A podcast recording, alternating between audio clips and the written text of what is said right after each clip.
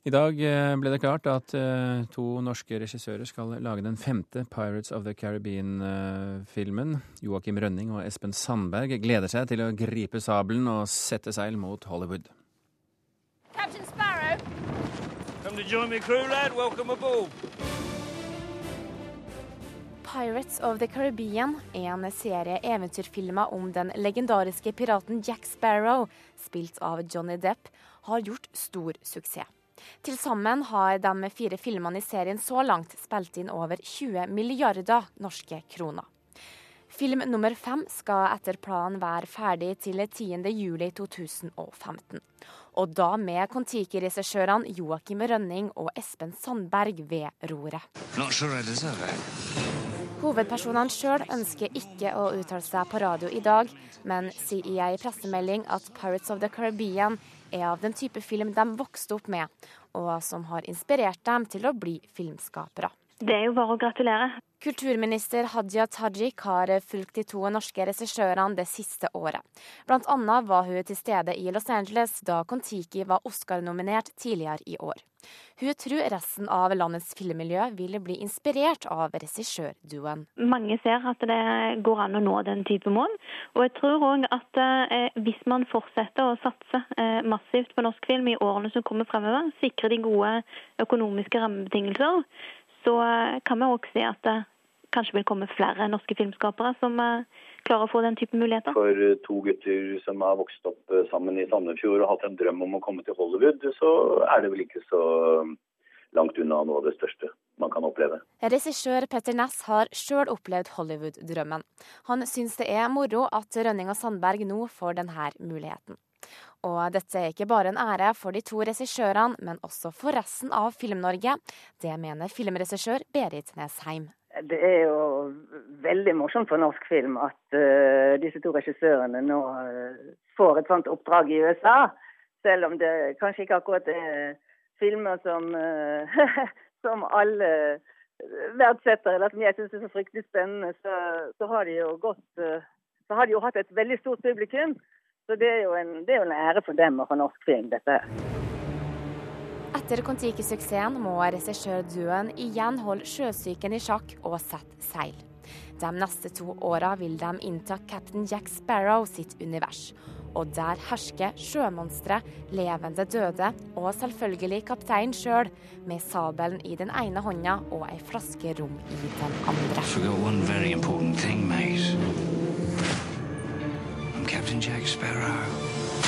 Den fjerde filmen i serien hadde et budsjett på over 1,4 milliarder kroner.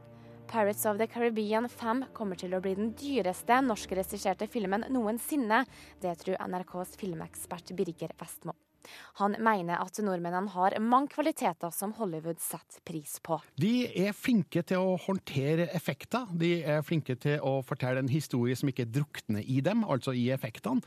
Og de henvender seg til et stort og bredt publikum, og er ikke redd for å ty til underholdning eh, rent eh, skamløst, egentlig. Eh, så dette er kvaliteter som Hollywood liker. Så nå er de på vei mot en, den filmkarrieren de sannsynligvis alltid har drømt om.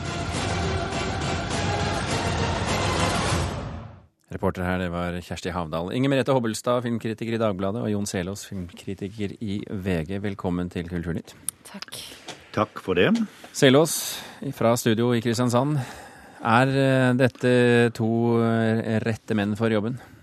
Ja, det er det. Eh, det er to rette menn for jobben, og det er to rette menn for, for hele prosjektet. Og det kommer som hånd i hanske for de òg.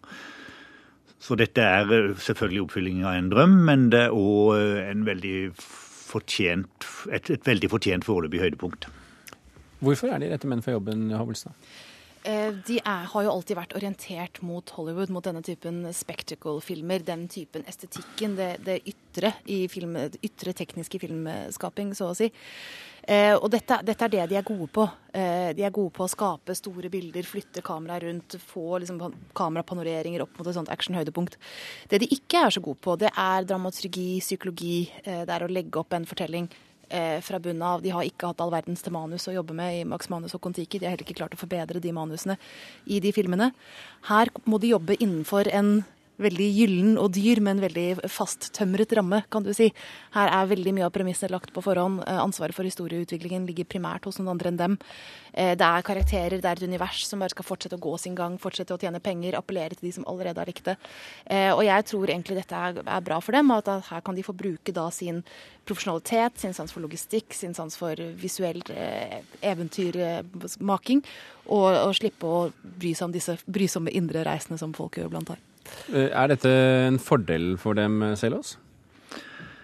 De er jo så vanvittig gode teknisk. Altså, De vet veldig godt hvordan de skal fortelle en historie. Jeg er en smule uenig med Hobbelstad når det gjelder innhold. Jeg syns de greide å putte adskillig inn i Kon-Tiki av adskillig menneskelig drama, for så vidt. Men det er klart at de kommer fra noe helt uh, unorsk, og de holder på med noe helt unorsk. Men det, de holder på med en De kjører på en hovedvei innen film som alltid har vært der, og som har vært den mest lønnsomme av alle, men som nå er like risikabel som alt mulig annet. Så dette viser jo at de har en enorm tillit i det helt sentrale Hollywood, og det er vel kanskje noe av det aller største med dette. Eh, jeg kan jo bare understreke at når det gjelder eh, kvaliteten til Kon-Tiki, så jeg, den, den, er jo ment å være en underholdningsfilm og ikke et drama, og den bør jo da måles opp mot andre underholdningsfilmer. Eh, jeg tenker jo bl.a. at de skusler bort muligheten til å etablere den gjengen som blir med ut, ut på tur. Den kommer bare frem når de sitter på en plankehaug og introduseres med sånn halv bisetning. Det er sånne ting som jeg syns er dramaturgisk problematiske. Det er mm. motivasjonen, denne vage guddommen som det er snakk om. Men det er, det er nettopp derfor jeg tenker at det er greit nå at de slipper det, og at de får dyrke den tingen som de alltid har likt ved Hollywood, og som er den de alltid har vært best på. Men Selås, hvor, hvor, stor kunstnerisk frihet får de innenfor uh, rammene? Eh, ikke enormt stor, for veldig mye er gitt her. Eh, men det er klart at eh, de får lov til å gjøre det de er aller best i, nemlig å leke. Ehm, og det tror jeg nok at eh, hvordan de Altså hvis de har hele tida gode ideer, forbedringer og eh, innfall som på en måte blir bedre enn eh, det som ligger der på bordet, så er det klart at de bare kan gjøre det. Ehm, jeg tror faktisk at eh, de får relativt stort spillerom, men jeg tror òg det er et spillerom de skaper som ikke er langt unna, for å si det mildt, det um, produsentene ønsker seg. Hobbelstad, i hvilken grad er det en tvangstrøye at det er laget fire filmer før den de skal lage? Nei, altså Det som er bakgrunnen bak denne franchise-syken, om du vil, som gir, rir Hollywood om dagen eh, Vi lever jo i en, i en eh, tid som er sterkt preget av film nummer 1, 2, 3, 4, 5. Gjerne med 3D, ettersom man kommer langt ut eh, i serien. Det er jo at folk vil trygge investeringene sine at det er mye lettere å få finansiert en film som har slått an før, lage mer eller mindre det samme om igjen, ut fra troen på at folk vil ha mer, og det vil de ofte. Samme gjelder kinogjengerne, at man ofte vil vite hva man går til, går til, noe man føler at man gjør når man har sett det mer eller mindre uh, akkurat samme filmen før. Um, det som er leit med Pirates of the Caribbean-filmene, det er at eh, der har, skjedd, der har jo det skjedd som ofte, men ikke alltid skjer, nemlig at kvaliteten har blitt eh, merkbart synkende for hver film. Den første Pirates of the Caribbean-filmen fra 2003 er en kjempebra underholdningsfilm. Den skapte denne eksentriske, ikoniske Jack Sparrow som Johnny Depp spiller eh, i denne filmen. Den hadde en flott sånn ut på eventyr, eh, sjørøverplott som Jeg så den i voksen alder og gikk ut og hadde lyst til å synge sånn splittemine bramseil og 15 mann på dødmanns kiste og sånn. Og så var det som om man ikke visste hvor man skulle gå derfra. Og så har man lagd film nummer to og tre og fire hvor man bare har pøst på med mer action, mer spesialeffekter, mer sånne Captain Jack Sparrow-tics. Større monstre. Større monstre, eh, større bølger, større båter. Eh, uten at man har noen sånn tydelig fortelling. Eh, men dette kan men, jo selvfølgelig også hjelpe bare for dette kan ja. også hjelpe Sandberg og Rønning, fordi forventningene til kvaliteten på filmen er veldig lave. Hvis de klarer å heve kvaliteten fra forrige, så imponerer de og gjør godt inntrykk. Selv også. Jeg tror forventningene er enorme om at de akkurat kan gjøre det. Nå har altså nå har Jack Sparrow så å si flydd på, på navnet og, og, og, franchisen og merkevaren fram til nå. Og skal de fortsette med dette, så må det komme noe annet og noe bedre. Så det er egentlig et, eh, en kjempeoppgave de har fått, og det er et enormt ansvar. Ehm, som, ehm, det, er en, det, er en, skikkelig utfordring. De går ikke bare inn og skal bare levere et eller annet som uh, ligner på noe tidligere. De Nei, er nødt til å utvikle. Vi snakker jo her om 1,5 milliarder kroner. Det er jo helt vilt, ser det altså. Ja, i norsk uh, sammenligner du med Norge. Det var et år jeg husker på 70-tallet da de fire første minuttene av en James Bond-film var dobbelt så mye som det norske filmbudsjettet til sammen. Så vi snakker jo om en helt helt, vi snakker om en helt annen verden, men i bunn og grunn er det jo akkurat det samme. Det er en fortelling som skal fortelles på film. Og alt er mye større i Hollywood, og veldig mye mer står på spill. Og det er masse nervøse mennesker, og det er ikke ubegrensa med penger i, i, internasjonal film heller lenger. Uh, og så, så dette, dette, er en stor utfordring og et stort, enormt ansvar. Og selvfølgelig veldig, veldig veldig hyggelig at det er to norske regissører som Hva, hva har de å tape, Hobbelstad? Eh, nei, altså hvis filmen ikke tjener penger, i motsetning til hva alle de andre filmene har gjort, så er de jo ute på bølgan blå, for å si det med en eh, franchise-passende metafor, men det spørs vel.